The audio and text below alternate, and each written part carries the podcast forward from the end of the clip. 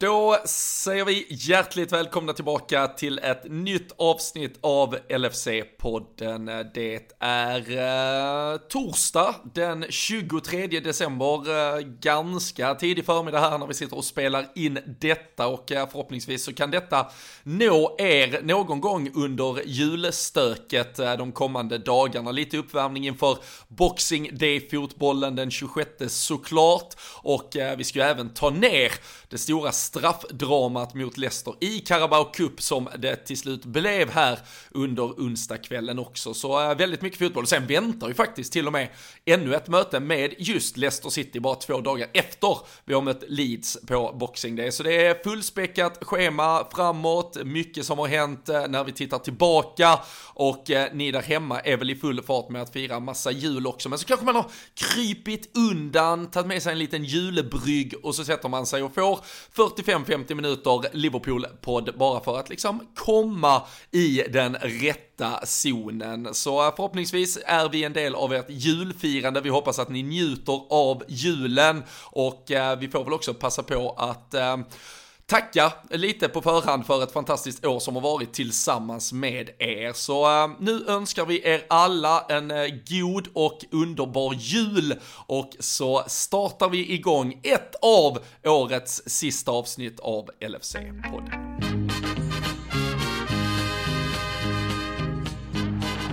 Liverpool! På Champions of Europe-pallen!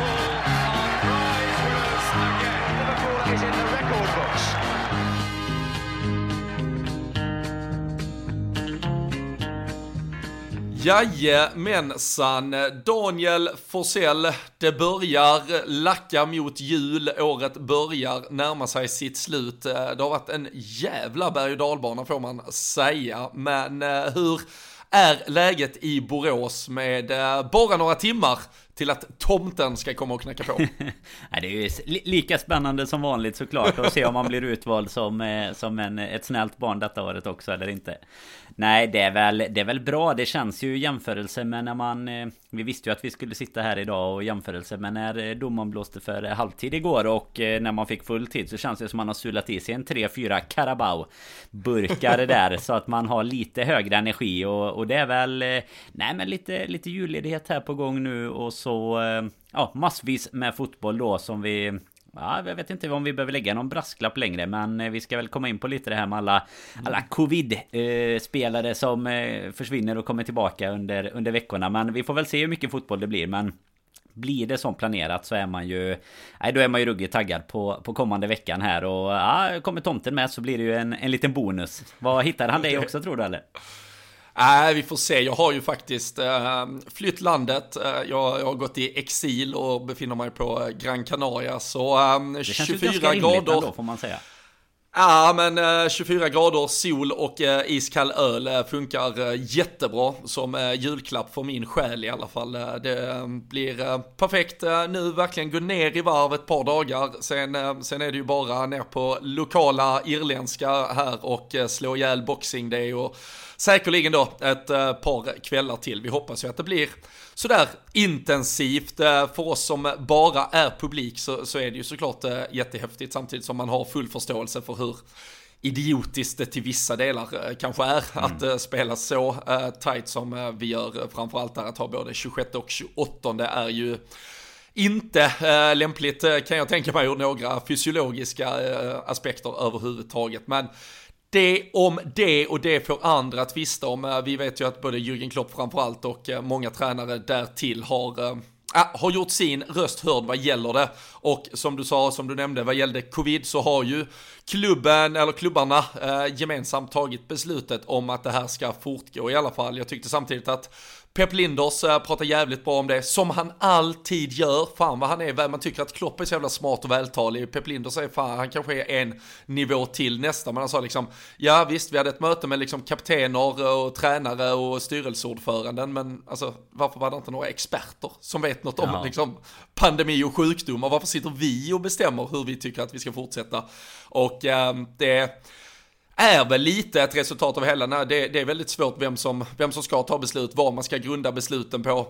Pratas ju eventuellt om att man kommer gå tillbaka till stängda läktare. Wales gör ju det redan från Boxing Day och då liksom England gör det, men man kanske väntar till efter Boxing, för Boxing Day är så speciellt, den vill ja. man ge folket typ och sen man så det ja, vi, vi har pratat om det och framförallt kanske i, i privata sammanhang med den, men eh, just den här covid-bekämpningen och vilka restriktioner som sätts in och vilka eh, saker som, eh, som gäller och inte gäller. Det, ja, det känns som ett lotteri var varannan vecka här vad som kan hända. Ja men verkligen, jag pratade ju med Fredrik om det i senaste avsnittet här också, just det du nämner med boxing. Det är ju liksom helt, alltså logiken i att man eventuellt då skulle flyttat matcher i omgången efter boxing day. Bara för att typ behålla boxing day på grund av då allt det här med covid och sånt. Det känns ju att, ja men då måste vi flytta den omgången som ligger närmast problemen om man säger så. Men nej, den kan vi inte flytta. Det, den är liksom helig. Så att nej, det känns väl som att eh, det...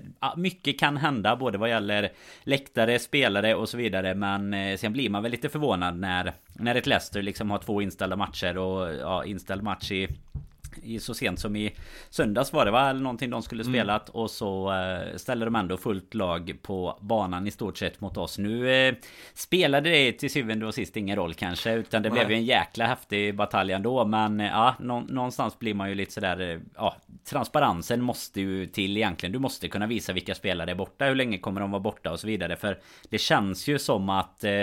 Eh, Alltså framförallt typ Leeds Lite delvis då vi och Chelsea har liksom varit så här godtrogna Spelat eh, Chelsea hade väl i och för sig försökt skjuta upp sin match sist sägs det ju Men Liksom mm. få, få, spela med ja, men desarmerade trupper och eh, nu, nu ska jag inte säga att liksom lagen sitter och ljuger Det får man väl hoppas att de inte gör Men det känns i alla fall som att det finns ingen konsekvent del i det hela att säga okej okay, ni har Fyra spelare borta, ni, det, det, blir ingen match liksom Utan det, det blir lite lotteri som du är inne på Och eh, det gillar väl ingen samtidigt som eh, Som du nämner, vi supportrar som bara sitter hemma och eh, kikar på TV Vi vill ju såklart att ligan ska fortgå ändå Och det är väl Det är väl jätteskönt att ha match både 26 och 28 Även om Om det kanske är experter som Pep Linder säger Men jag trodde samtidigt i och för sig numera att alla var pandemiexperter Robin För det tycker jag jag ser på Twitter var och varannan dag.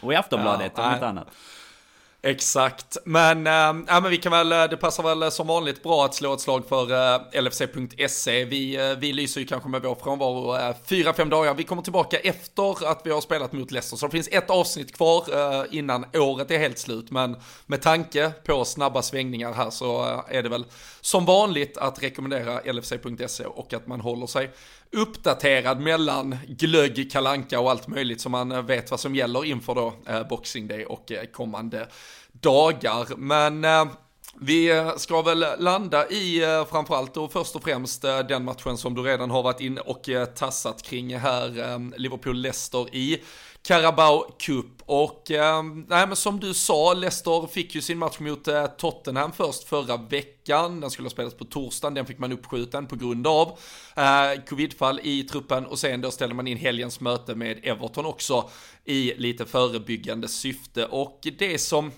blir lite problematiskt som du är inne på, det är ju att den engelska karantänsregeln sedan tidigare säger, eller eh, om man säger isoleringsregeln utifrån om du då har varit antingen själv positiv eller ett nära fall och så vidare. Det är ju tio dagars karantän. Den har ju nyss, jag tror det var i förrgår, så ändrade man den till sju dagar, men tidigare har det varit tio dagar.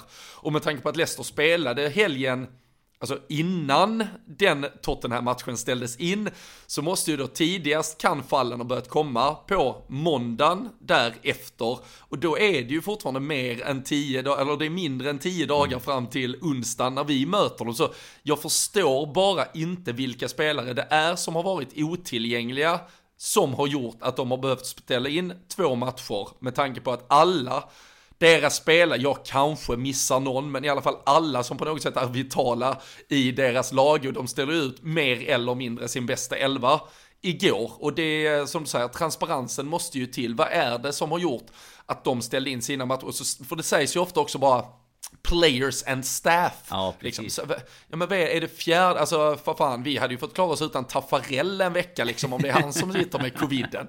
Alltså vi kan ju inte ställa in matcher i flera veckor för att Taffarell liksom har varit på någon brasiliansk barbecue och partajat liksom. Men nej, så det, det blir ju jävligt skevt det där och det blir, och man märker ju också frustrationen hos hos faktiskt lite mer, jag ska inte säga initierade liksom journalister, men ändå mycket folk som följer Liverpool väldigt nära från England pratar ju faktiskt om att det, alltså det börjar ju bli en grej runt klubbarna nu att man faktiskt inte riktigt tror på varandra. Och det är ju, det är ett jävligt farligt spel och en jävligt farlig väg att gå om nu vissa lag kanske har utnyttjat det. Det pratas om till exempel att Watford fick sin match mot Burnley uppskjuten, inte på grund av covidfall, men för att de har så mycket ovaccinerade mm. spelare som har då varit i close contact med någon annan som har covid och därför måste in i en karantän. Och det kan ju inte heller, alltså då har de ju egentligen ingen som är sjuk, då är de bara en del av liksom smittspårningsprogrammet som de har lite satt sig i skiten i själv genom att inte vaccineras. Alltså så det, nej, jag, jag tycker vi är, vi är inne i något jävligt träskigt här som jag hade velat ha klarare riktlinjer på vad fan som gäller och eh, mer tydlig transparens på vilka spelare som har missat vilka matcher.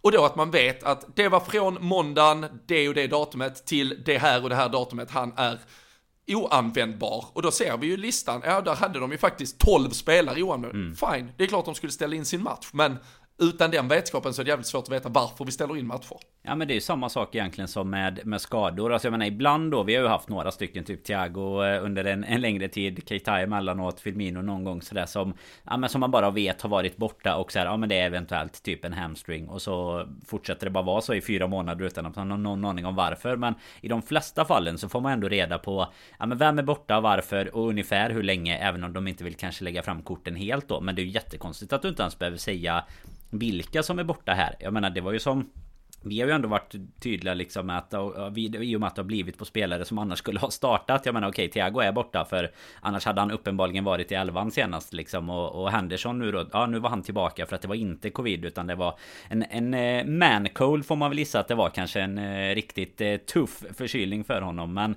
Alltså det, det, blir ju no, det blir ju helt patetiskt egentligen om det nu skulle vara som du säger att det egentligen är liksom sju stycken Eller fem stycken staff och två stycken spelare och två spelare som kanske inte ens hade, hade spelat för att det är ju såklart en fördel om du får matchen inställd när du har ett schema som säger att du ska spela typ eh, fyra matcher på, på tio dagar. Det är klart att det är jättebra att få en match uppskjuten även om man såklart inte ska förringa om spelare borta och sådär. Men jag vet att jag nämnde det sist också att folk glömmer ju ibland att bara för att någon har ett positivt covid-test innebär inte det att han ligger hemma och, och är döende liksom. Utan de flesta av spelarna har ju inte ens fått eh, några symptom. Utan det handlar ju bara om att de testar dem. Ja men så extremt Exakt. mycket. Och det är klart att det finns ju människor som har haft covid utan att veta om det också liksom. Som inte haft symptom. Och det är ju oftast där spelarna är. Och som du säger Watford blev ju Ja men lite grädden på moset kan jag tycka när det kom ut. Att de liksom då har fått ställa in sin match för att de De har spelare som inte är vaccinerade och som och som därför eventuellt då skulle kunna vara i riskzonen för att, för att få det liksom. Då, då hamnar vi ju helt plötsligt på en nivå att eh, vilka matcher kommer vi kunna ja men vilka matcher kommer vi kunna spela och sen behöver du egentligen få till ett protokoll som gör att inte matcher ställs in. För jag menar visst, ingen fara för oss. Vi sitter framför tvn och det är lite tråkigt att eh, att man liksom får hitta på något annat klockan fyra en lördag. Men jag menar det sitter ju fan fans inne på arenorna när de ställer in match, matcherna liksom i England. Det där ja. funkar ju inte. Du kan inte ställa in en match en, två timmar innan när folk har liksom åkt ifrån London till eh, Birmingham eller någonting. Alltså som exempel bara. Och sen så helt plötsligt så, så ska de vända hem. Jag menar är det någonting som är helt idiotiskt ur, ur någon sorts smittspåning då. Ja, så är det väl att ha suttit på tåget helt... mellan Liverpool och Southampton liksom. Och sen få åka hem direkt samma väg. alltså det där är ju helt hjärndött. Så då är det ju bättre ja, att bara ha skjutit upp blir... hela skiten liksom. Ja men så var det ju i Aston Villa Burnley som var två timmar innan ungefär. Burnley-fansen hade ju liksom, de samlades ju liksom i mängder utanför Villa Park istället och liksom där och då blåses det av och så liksom. Nej, det, Såg du att det kom, det kom rätt mycket kul kring det dock? Man har ju inte, jag har aldrig varit ja. i Burnley men eh, man, jag har faktiskt haft, jag har träffat någon via jobbet faktiskt här i, i Borås en gång som var ifrån Burnley och han, han sa ju det som man eh, har fått höra av väldigt många att det är ju en riktig skithåla så att det, eh, det var väl på Twitter så att många ändå fick fira i, att de fick lämna Burnley ett tag. Ja och det var någon som skrev, inte nog med att de då äh, liksom behöver göra den här resan och allt blir inställt. De är också från Burnley liksom. och måste åka tillbaka är, nu liksom. Ja, ja, ja det är, man, det är man lider med dem. Men det, får, det är ju en bortamatch ja. man måste göra i alla fall på Turf Moor. Det, ja. det hör man ju. Han sa Exakt, till och med, han sa det den killen jag träffade, det är ju ett bra sidospår att få in en liten jul på det. Han sa någonting om att det finns liksom inte ett hotell som någonsin är liksom fullbelagt förutom eventuellt när det är någon match då. För det är liksom inte en enda turist i Burnley någon gång när det inte är eh, eventuellt fotboll då. Nej, fan, det känns som den, den, den, är långt ner på, på listan och bucketlisten så är, så är Burnley inte etta tror jag för, för världens inte. Det är för Brexit-gubbar, det är för Brexit-gubbarna som eh, ja, den ligger etta då kanske. Gå in på Sean Dyche Bar. Men, eh, nej, men bara för att eh, helt eh, knyta säcken och sen ska vi, vi inte fastna i Det är också ganska uppenbart, som sagt, Liverpool har försökt spela sig igenom detta. Chelsea, de kanske då lämnar in en, en liksom till slut kanske de lämnar in liksom en, en förfrågan om att skjuta upp en match. City, visst de har också klarat sig bra, men de har spelat sig igenom det. Lagen som vet att de förhoppningsvis ska liksom spela Champions League fram till till och med en final, de vet att det finns inga lediga veckor, det finns inga bra platser att spela de här matcherna, vi måste ta oss igenom igenom det. Men alla lag som inte har Europaspel att eh, ta hänsyn till, till exempel i vår, för dem så är det ju väldigt mycket skönare att ställa in en veckomatch nu när det är ett så jävla intensivt schema och sen liksom ha i lugn och ro att kunna, de kom, kanske inte är vidare till kvartsfinaler i FA-cupen, det ska inte spela semifinaler i Carabao och skit liksom. Det finns massa lediga speldagar för dem. Så då är det ju ganska bekvämt att skjuta upp matchen. Så som sagt, det, det måste till mycket mer tydlighet nu på på matcher som skjuts upp och varför de skjuts upp så man faktiskt förstår någonting. Men eh, det om det och eh, match blev det ju trots allt. Leicester kom tillbaka och var redo igår då för eh, Carabao Cup kvartsfinal. Eh, som eh, nämnt här så ställer de väl upp med mer eller mindre det bästa laget på, som de hade tillgängligt. Mm. Och Liverpool och sin sida Ja, det är väl, man kan väl inte ens kalla det kanske reservelvan. Det är ju till och med tre, fyra spelare till som inte ens ligger eh, normalt sett kanske och ja, slåss som en bänkplats när truppen är fullfjädrad. Så eh, det var ett äh, sannoliken B-betonat Liverpool-lag och första kvarten, 20 minuterna, så blev vi ju eh, brutalt överkörda. Vardy Party, eh, två mål, kunde varit eh, 4-5 kändes det som. Billy Comezio gör kanske ingen höjdarinsats, mittfältet släppte igenom allting och det kändes som att man bara skulle dra ner mössan och glömma den här jävla skitturneringen som dessutom har de här störiga dubbelmötena, just nu i alla fall, kvar planerade för januari. Så man började checka ut ganska tidigt Anna.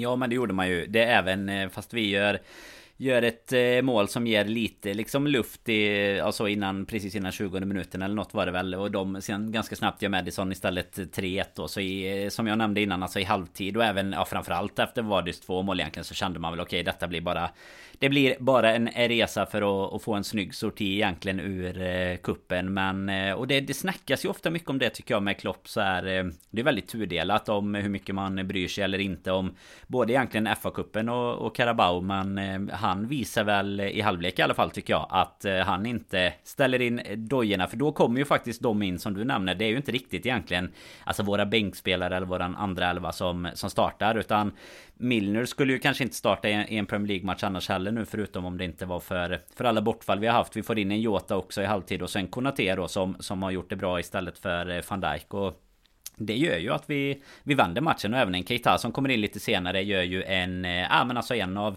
av sina sådana där insatser. Av alla, va? Ja men faktiskt, jag tycker mm. det. Och trots att han egentligen bara spelar en halvtimme då. Men han kommer ju in och verkligen förändrar hela matchbilden. Och han... Det, det är ju det där han kan och det är det som är så jävla frustrerande att man inte får ut så ofta av honom. Men man har ju sett det tid efter annan att när han väl är in the zone liksom och... Ja men kanske kommer in här också mot ett lite då även... Även om de nu då inte har haft matcher precis. Men lite tröttkört Leicester ändå efter en timme med. Och jag menar med, med lite mer seniora spelare i andra halvlek så gör vi ju en eh, dels en jättebra halvlek eh, och dels eh, ja men liksom kommer tillbaka och ändå någonstans visar att vi, vi lägger oss inte även om det är, är Carabao och tycker att Klopp ganska mycket genomsyrar det i sin efter matchen intervju där också liksom att vi mm. ja vi är ändå här för att spela och han var ju liksom så jävla kärleksfull han var ju en riktig jultomte där med skägget och allt och bara stod och pratade om så här ja men jag älskar redan den här gruppen han var lite rörd ja, nästan kändes ja, det men verkligen det var ju verkligen så här, jag, jag älskar den här gruppen spelare men kunde jag liksom börja om och älska dem så är det det jag har gjort idag liksom det och bara stod Prata. där med sitt breda leende Exakt, pratar ju även om att han eh, liksom önskar, alltså hade han förstått hur speciell Liverpool som klubb var mm. så, så hade han kanske velat komma hit ännu tidigare och det man kan ju inte förändra det som varit, men däremot så finns det ju ett kontrakt som går ut 2024 som han gärna får förlänga i så fall om han nu känner att tiden blir för knapp annars för att hinna uppleva allt han vill uppleva. Det, ja men det är ju, alltså det visar ju på vi, eh, vi får ju inte prata om det eftersom den är överskattad, den eh, Anfield-atmosfären och allting, men eh, James Madison kan man ju inte förstå, hur kan han uttala sig om frågan när det finns så mycket skrivbordsexperter hemma i Sverige som vet allt om Anfields atmosfär. Men han skrev ju till slut efter matchen att um, ja, det var surt och tufft och tungt att förlora matchen, men det är en av de svåraste platserna att komma till och speciellt när atmosfären är som den var igår och den är då absolut bäst i England. Um, det, det kändes som en av de kvällarna och många man, man läste på Twitter som, som säkerligen har varit med och upplevt klart större större kvällar, men det kändes som att när vi liksom gav det här reservbetonade, B-betonade, ungdomliga laget injektionen av ja men lite då tyngd i form av spelare som vi vet kan avgöra matchen, som ändå kan ge stabiliteten, kunna T. Milner kom in med det, Jota Kita kom in med liksom flärden, att vi gav någonting. Det kändes som att Anfield verkligen, då bara bestämde man sig för att fan, vi kan nog fan till och med med detta laget pissa på det där jävla mm. Leicester-laget som står och sjunger om att uh, feed the scousers och uh, liksom vill tro att de är någonting här. Det, det blev en så jävla härlig, alltså inte hatstämning, men det blev, det blev liksom på riktigt, det levde upp och det är ju jävligt häftigt, trots att det då liksom på förhand kändes som en ganska avslagen kvartsfinal som man inte riktigt hade plats nästan i varken huvud eller kalender att ta så seriöst som man vill ta det. Men ibland måste man ju liksom se sig lite besegrad utifrån spelschemat nästan. Ja, men det blir ju någonting speciellt med just eh, matchbilden såklart, hur, hur den blir. För det är klart, första halvlek kanske inte var... Det, det är kanske Madisons eh, följande av eh, svenska experter på Twitter som det verkar som i och med att han har gått på den här myten nu då, så verkar det som att då, då fick de väl kanske rätt. Och det är ju med med all rätta när det står 3-1 till Leicester. Det är inte jättemånga arenor som lever upp då. Men det är ju egentligen med... Ja men när vi, när vi förändrar matchbilden och sen framförallt då efter 3-2 egentligen så är det ju... Det är ju världsklass eh, på, på läktarna och det är väl någonting såklart med med kvälls... Alltså det här, det är ju lite... Det var ju Champions League-tid liksom. Det är kväll, det är, alla känner att det går åt rätt håll liksom. Och sen då få... Eh, ja men få avsluta det på det sättet med ett sånt crescendo liksom. Där Minamino får göra kvitteringen liksom i, i 90 plus 5 eller vad det var. Och så plus ett straffavgörande sen. Då... Nej, då är det till och med svårt att, att hata på den fina ligacupen faktiskt. Då...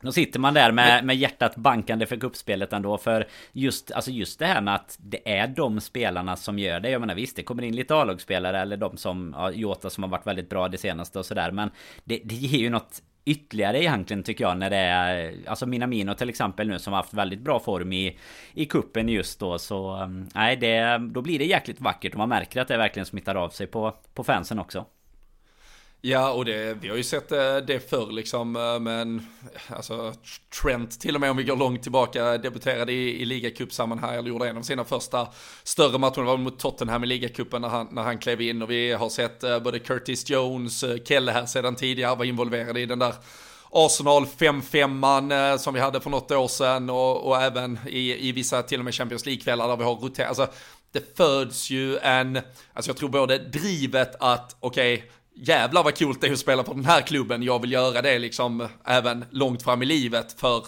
spelare som Tyler Morton, Connor Bradley, Owen Beck som kommer in med flera. Och sen också Alltså erfarenheten de får, att man skapar sig en vinnande mentalitet av att fan till och med jag kan vara med och välta liksom de riktigt stora. Alltså Leicester pratas ju ändå fortfarande som ett av lagen som står och punchar liksom precis under den absoluta toppen och, och spelar med sitt bästa lag i stort sett och vi kan då med de killarna vi ger chansen faktiskt brotta ner dem till slut. Det, jag tror det föder jävligt mycket för framtiden. Bara, bara att de får lov att lägga ut de här jävla glädjescenerna på sina mm. sociala medier och skriva om liksom uh, what a night, uh, buzzing atmosphere, liksom allt. Alltså det, jag, jag tror det ger så jävla mycket mer än bara en semifinalplats i ligacupen för den, den kan få gå lite hur den, hur den vill nu. Det är klart, är man så långt framme vill man alltid vinna. Nu har vi ett dubbelmöte mot Arsenal som vi dessutom avslutar på hemmaplan, så det finns ju alla chanser i världen att nu ta oss till final. Men jag hoppas att vi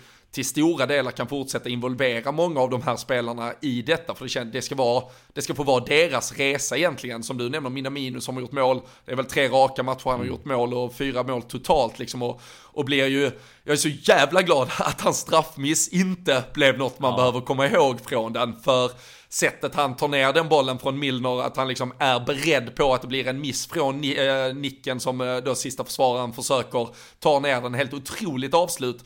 Så han har bara fem avslut den här säsongen, alla på mål, alla i mål.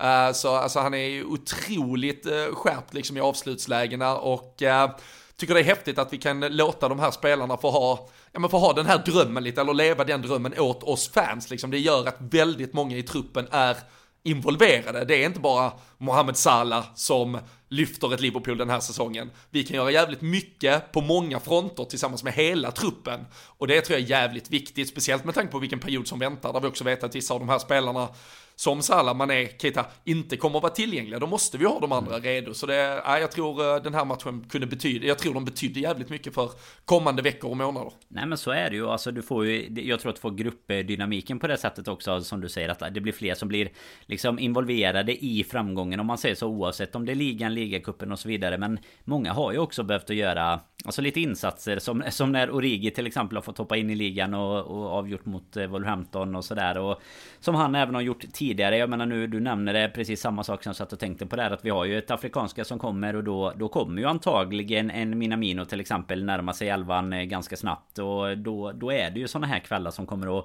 Man kommer kunna ta med sig för slutar istället med en 3-1 förlust. Jag menar han hade ju kanske inte sin bästa dag fram till egentligen det där målet nästan. Eller tills vi började trycka på lite i, i andra halvlek då. Jag menar då, det är ju en jäkla skillnad på att komma in med det där. Att okej, okay, de insatserna som, som jag väl har fått eh, chansen att, att stå för den här säsongen. De, eh, de går vi liksom förlorande ur och vi åker ut kupp efter kupp. Och sen så ska jag in och försöka göra någonting i ligan. Jag menar, här kommer du med något helt annat. Jag, den som kanske det ni egentligen vänder mest för tillsammans med honom med, med tanke på den här straffmissen och sånt. Det är ju egentligen Keller också när jag tycker kanske att något mål från alltså tredje är ju det är ett jättefint skott av Madison men det är ändå någonstans liksom ganska rakt på och känns liksom som eh, han hade en ganska tuff match där bak också. Sen ja men jag tycker andra, andra målet tycker han ska komma ut. Ja. Alltså det, det är jättesvåra avslut men han måste ändå han måste vara mer delaktig sen.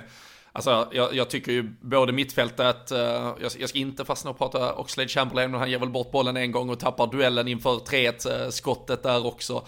Men um, mittfält, alltså Joe Gomez och Comezio gör inte Nej. en stark första halvlek. Men, men det kändes som att han, inte var helt på tå heller, Kelle här. Så det, nej, det, andra nej, som alltså. du säger, andra är ju så här, du vet ju vart bollen kommer att komma. Det finns liksom Exakt. inget annat än att det kommer bli ett inspel till vardera. Så då är det ju lika bra, tar du något kliv ut där så är du ju faktiskt ute på den bollen. För han kommer ju ändå väldigt nära när han väl, när han väl gör målet liksom. Men sen att han då istället får agera hjälte med, med två räddningar i straffläggningen och, och sådär. Då, det är klart att det, det, då skiter man ju lite i de här målen som han har släppt in. Och det kommer han ju själv också göra. Utan självförtroendet kommer ju snarare handla om att, ja, lite som du sa egentligen, få posta sina, sina inlägg på sociala sociala medier och liksom titta och veva de här bilderna idag från, från avgörandet nu. Och jag tror även alltså en spelare som som är, är, väldigt mycket involverad i, i övrigt nu då som Jota som får kliva fram och faktiskt avgöra alltihopa. Ja, det är ju det är samma sak för honom egentligen. Ja, och det är ju samma sak där. Du kommer ju...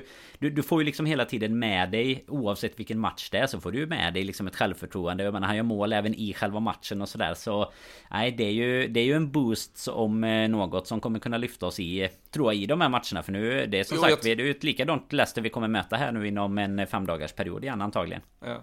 Och jag tror inte man ska underskatta faktumet att trots allt i den där fronttrion vi har som kanske numera är Jota, Mané, Sala så är det fortfarande Jota som är ja, men lite bubblaren i den. Mm. Eh, men han har ju visat hela säsongen att han har en jävla målgaranti och han har varit otroligt produktiv offensiv. Men att han då i den matchen som det blir igår och med det laget och den truppen vi tar ut, där är han därför kan vara stjärnan som kom in. Då var det inte Mohamed Salah vi bytte in, det var inte Thiago vi bytte in, det var inte van Dijk som kom och skulle leda, utan det var Diogo Jota som kom in för att vända matchen åt oss.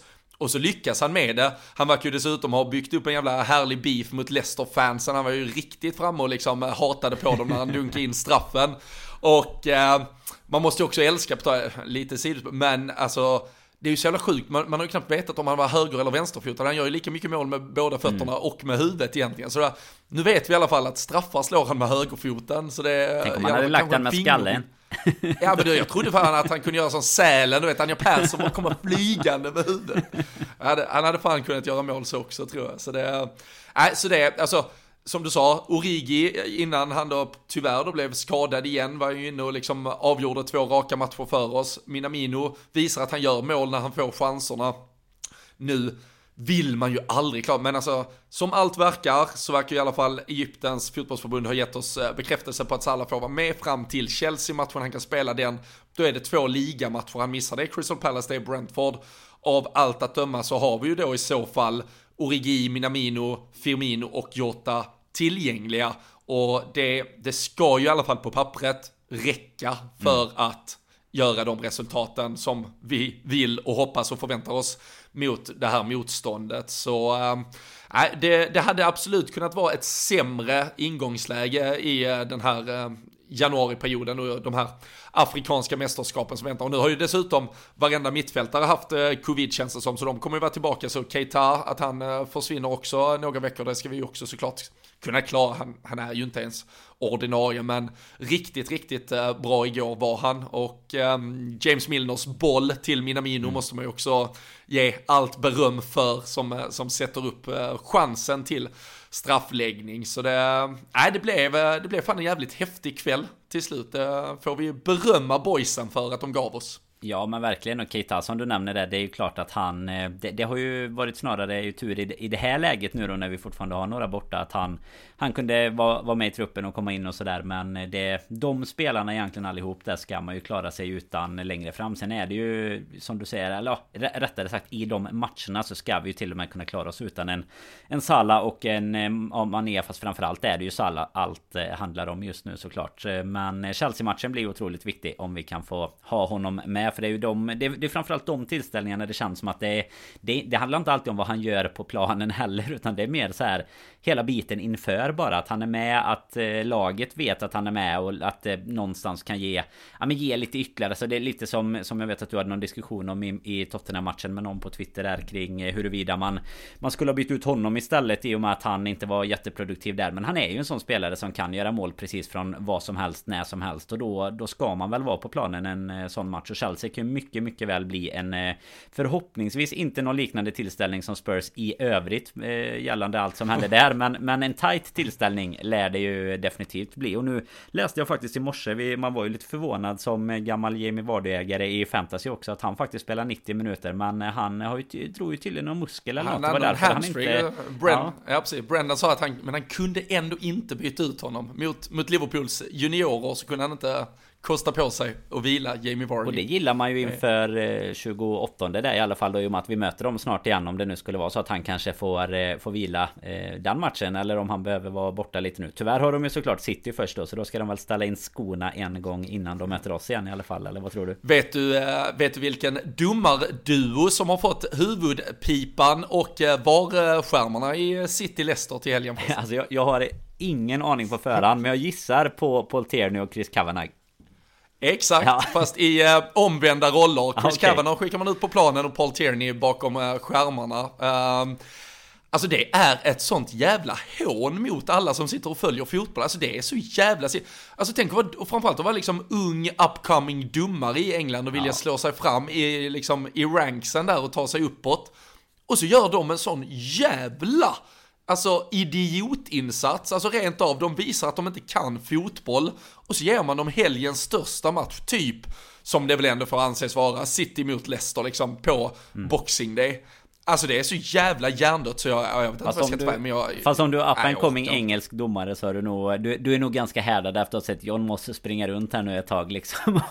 de, du, vet, du, du sitter Nej, där och gör, gör så superinsatser i, jag vet inte, Championship eller League One och sådär. Och så, så ser man alltid samma trötta gubbar springa runt i, i, Premier League. Det, de John har ju, Moss det finns ju antagligen filmer. Ja men det finns ju antagligen ja. filmer på några, eller på några Premier League-toppar eller något i deras mobiler. Det är ju enda enda rimliga förklaringen till att de, eh, de är kvar där. Men just det, det är väldigt speciellt som du säger såklart när det blir eh, dessutom direkt omgången efter så tar de hand om det, det största mötet. När man har eh, så uppenbara fel. För jag menar det kan man ju. Det är det man kan konstatera. Jag menar oavsett hur objektiv eller inte man är så så tror jag inte att det är någon, inte ens våra, våra kära liksom Tottenham svenska supportrar som försöker göra någon sorts beef-rivalitet mellan Tottenham och Liverpool. Inte ens de kan ju påstå något annat än att, eh, än att domarna hade uppenbara problem på Tottenham Hotspur Stadium. Så jag menar det är ju Nej, det är eh, jäkligt konstigt att man i alla fall inte kan eh, sätta dem i någon match som ingen riktigt har koll på att de dömer. Vi säger någon sån här Brentford mot Nej, Newcastle. Skicka dem på... Uh,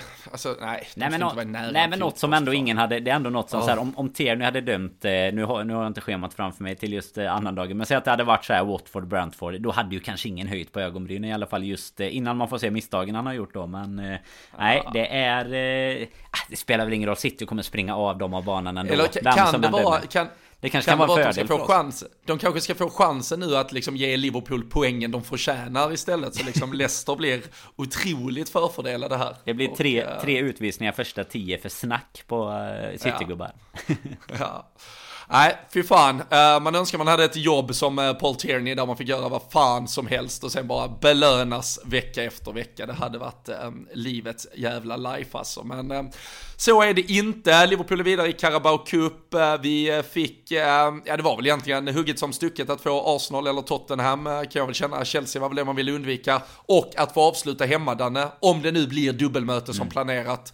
Det verkar ju stå sig i alla fall. Man har ju strukit fa Cup-omspelen, men det var ju även den här semifinalreturen som eventuellt diskuterades lite för att göra plats i schemana. Men eh, som allt ser ut just nu, avslutning hemma på Anfield och eh, då får man väl se oss som ganska klara favoriter till att ändå nå en final där i slutet av februari. Ja men det tycker jag och det är ju, sen är det ju jättesvårt att, att säga såklart för trupperna vilka lag kommer att spela. Kommer Arsenal spela helt ordinarie och vill spela ett liknande lag som eh, som vi gjorde igår så är det klart att då, då kanske förhållandena ser annorlunda ut än vad man tänker på förhand. Men det är ju alltså ett Arsenal som vi uppenbarligen har ganska enkelt för numera. Jag menar de var i jäkligt bra form när vi mötte dem sist också och då spelade vi dem totalt av banan. Så att jag tycker ändå att Arsenal var att eh, föredra även om jag tror som du säger att Arsenal eller Spurs hade väl kanske varit ungefär samma eh, på förhand sådär. Men det är väl ganska skönt att slippa den här uppdiktade beefen också som jag pratade tidigare om. Eh, så Arsenal har väl sina följare även de som kan höras ibland. Men, men de har varit lite sådär de senaste åren som vi säkert var förr också. Sådär när vi inte hade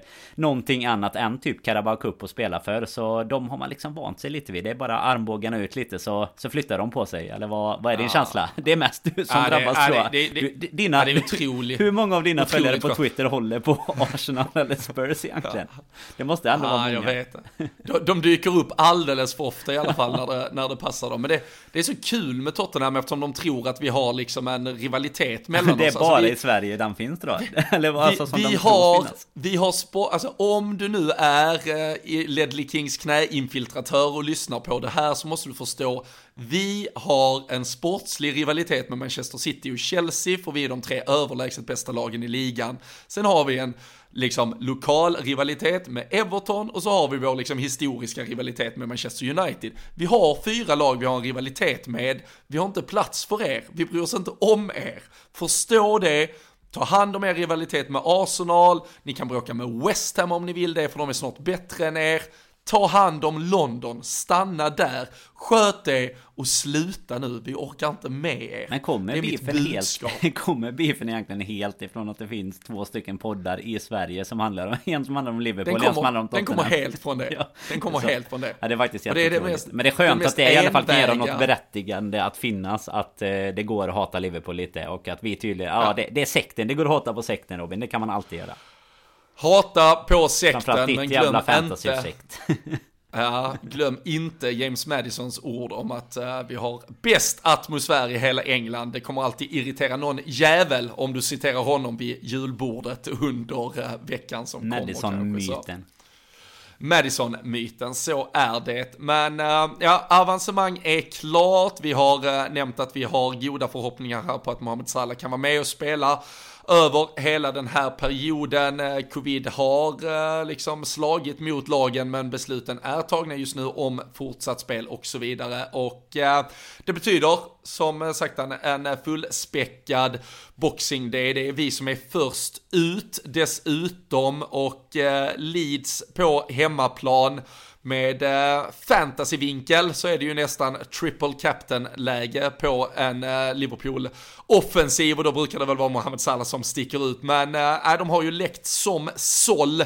7-0 mot City, släppt in 4 mot Arsenal och eh, hela säsongen har ju varit en eh, mer eller mindre katastrof. Det har ju verkligen varit, eh, allt har gått mot Leeds med tanke på skadesituation, eh, nyckelspelare Calvin Phillips, eh, Patrick Bamford har varit borta.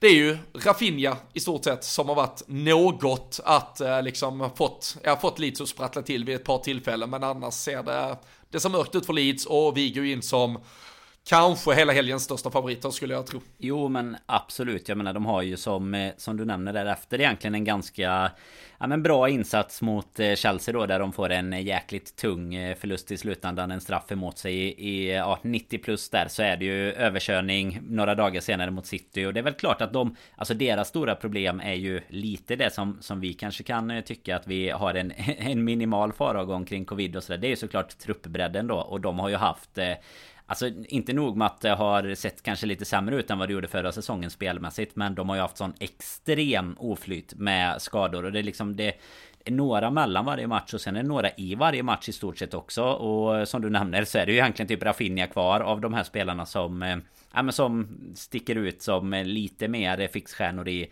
i deras lag och när de eh, satt och kikade på Arsenal-matchen här i veckan och då, alltså det de gör ju ett mål men det är ju på en straff som är helt onödig när det redan står 3-0 till Arsenal. De blir totalt utspelade av, eh, av ett i och för sig då väldigt eh, ja, formstarkt Arsenal och så vidare också. Men det finns eh, Alltså det finns ingenting som eh, tyder på att vi inte ska sopa dem av banan helt fullständigt. Jag, jag skrev ju själv efter den eh, Arsenal-matchen där att jag var typ säker på att någonting kommer hända i Leeds inför våran match. Eller att den blir inställd eller uppskjuten nu då för, för covid-läget och sådär. I och med att det känns inte som att vi någonsin får tillfälle att möta ett lag när de känns så, så, så skadeskjutna. Och det, det känns väl som att man jinxar bort hela det här nu. Men alltså det, jag, jag ser verkligen ingenting i ja, de, dem. De, de, hänger på repen. Ja, men de, de gör man, ju det. De, de har ju verkligen fått så här, det, det är ju någon som har så här knuffat dem lite hela tiden och så här. Eh, de, de, är verkligen nere. Du vet, de har ju, de har ju spelare, alltså man känner inte igen hälften av spelarna i den förmodade elvan som de kommer ställa på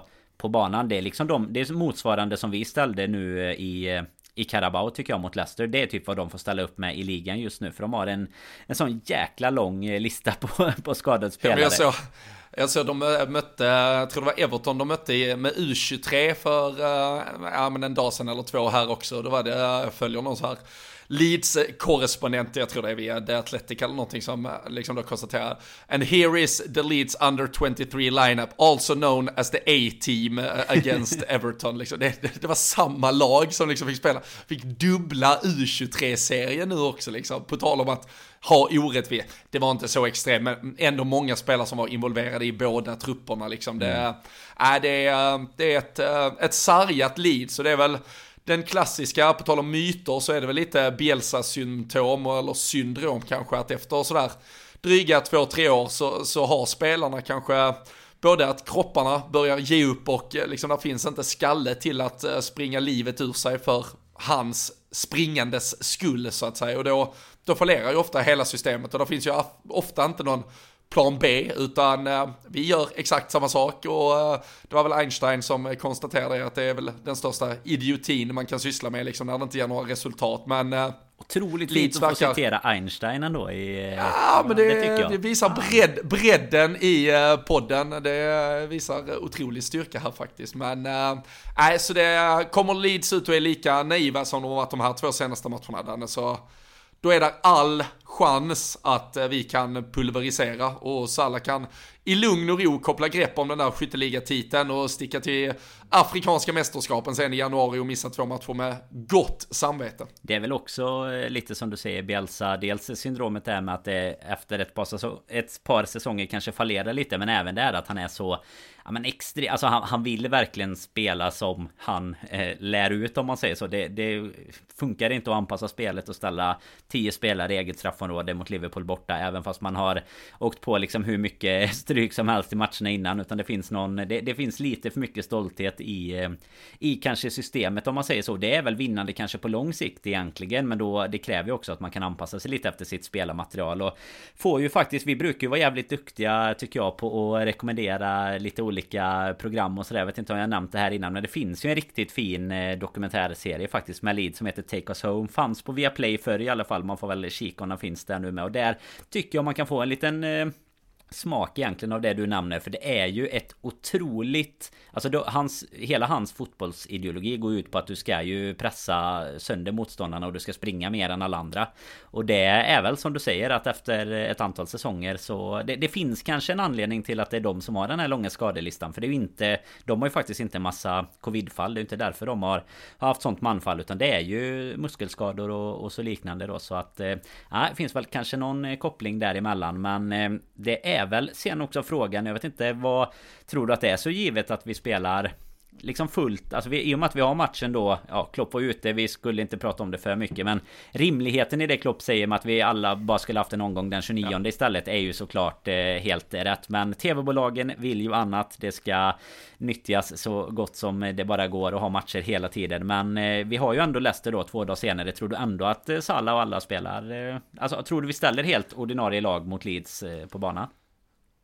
Nej men jag tror väl vi ställer mer, det mesta tyder väl på, eh, för som sagt som vi nämnde inledningsvis så är det ju eh, den, den där förändringen på 10 till 7 dagars eh, isolering och karantänskrav.